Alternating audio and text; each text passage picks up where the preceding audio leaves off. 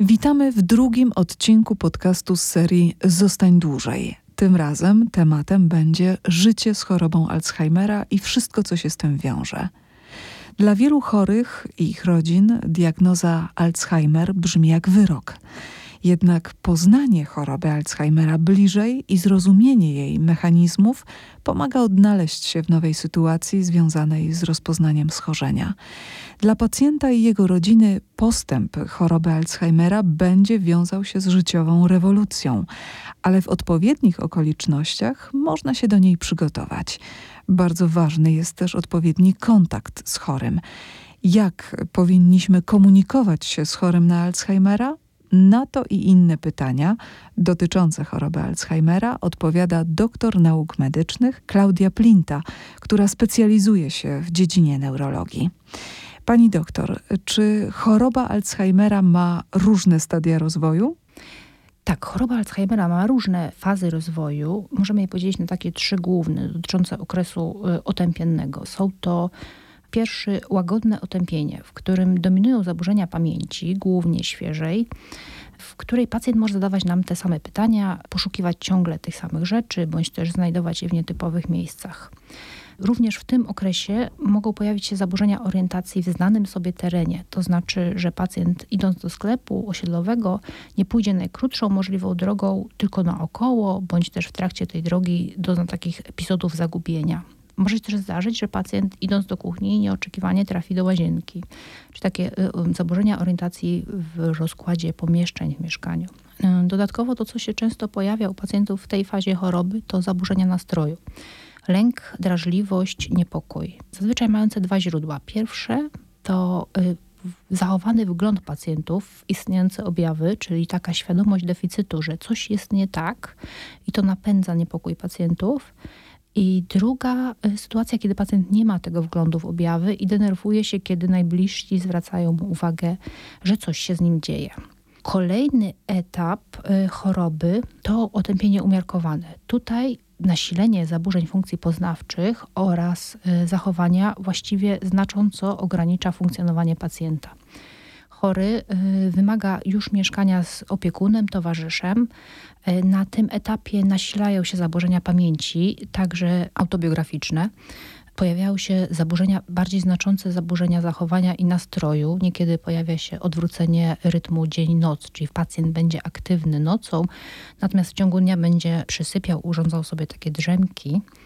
To, co też jest trudne dla wielu opiekunów, to takie zaniedbania higieniczne, czyli na tym etapie choroby pacjent może odmawiać lub obawiać się mycia, kąpieli, zmiany odzieży. Mogą pojawić się epizody samozanieczyszczeń, epizody agresji.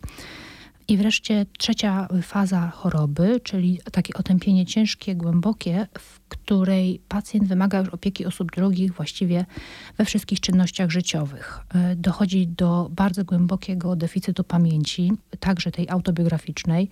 Chory e, ma ograniczoną zdolność komunikacji aż do mutyzmu, czyli właściwie braku możliwości komunikacji. Co za tym idzie, pojawiają się trudności w połykaniu, zakrztuszenia, mm, spadki masy ciała, nadal mogą zdarzać się okresy agresji, krzyków nocnych.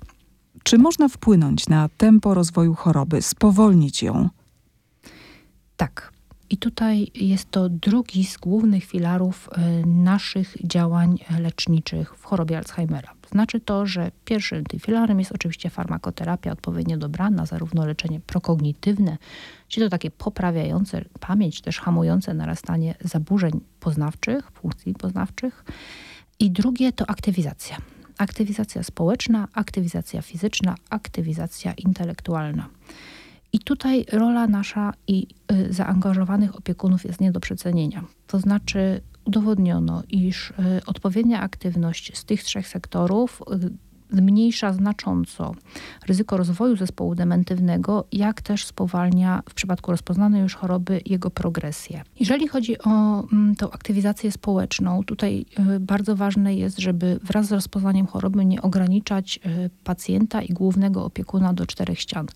Nie należy zaniedbywać i zaprzestawać mm, spotkań towarzyskich z rodziną, przyjaciółmi, sąsiadami, jeżeli tylko nie wywołują one lęku u pacjenta Warto, aby nadal rozwijać istniejące dotychczas hobby, angażować się w wyjazdy, zwiedzanie, chociażby zwiedzanie własnego miasta. Dobrym pomysłem mogą być też kluby seniora, takie ośrodki dziennego pobytu, gdzie pacjenci oprócz takiej mm, opieki bezpośredniej mają też szansę na terapię ruchową, artystyczną, możliwość konsultacji z psychologiem, logopedą albo zajęcia z fizjoterapeutą. Jak wygląda leczenie? E, właściwie leczenie koncentruje się na dwóch działaniach. Pierwsze to farmakoterapia i drugie aktywizacja e, ruchowa, społeczna i mm, intelektualna, o której przed chwilą wspomniałam. Jeżeli chodzi o samo leczenie, farmakoterapię, do leczenia prokognitywnego, czyli takiego poprawiającego funkcje poznawcze, pamięć, koncentrację, uwagę, mowę, mm, zaliczają się dwie grupy leków. Pierwsza to inhibitory acetylocholinesterazy, mm, dostępne trzy rivastigmina, donepezil i galantamina oraz y, antagoniści receptora NMDA, antagonista, czyli memantyna. Bardzo istotne jest, żeby u pacjentów z chorobą Alzheimera intensyfikować także starania w leczeniu chorób podstawowych, takich jak nadciśnienie tętnicze, cukrzyca, choroby nerek, y, zaburzenia gospodarki lipidowej, ponieważ to bezpośrednio przekłada się na e, zdolności poznawcze pacjentów i spowolnienie tempa narastania objawów w przebiegu choroby Alzheimera. Niejednokrotnie pacjenci wymagają także dodatkowej terapii e, ze względu na zaburzenia zachowania, takie jak agresja, lęk, niepokój, zaburzenia snu. I wtedy przynajmniej czasowo włączane są leki psychiatryczne. Na jakim etapie osoba z chorobą Alzheimera potrzebuje opieki?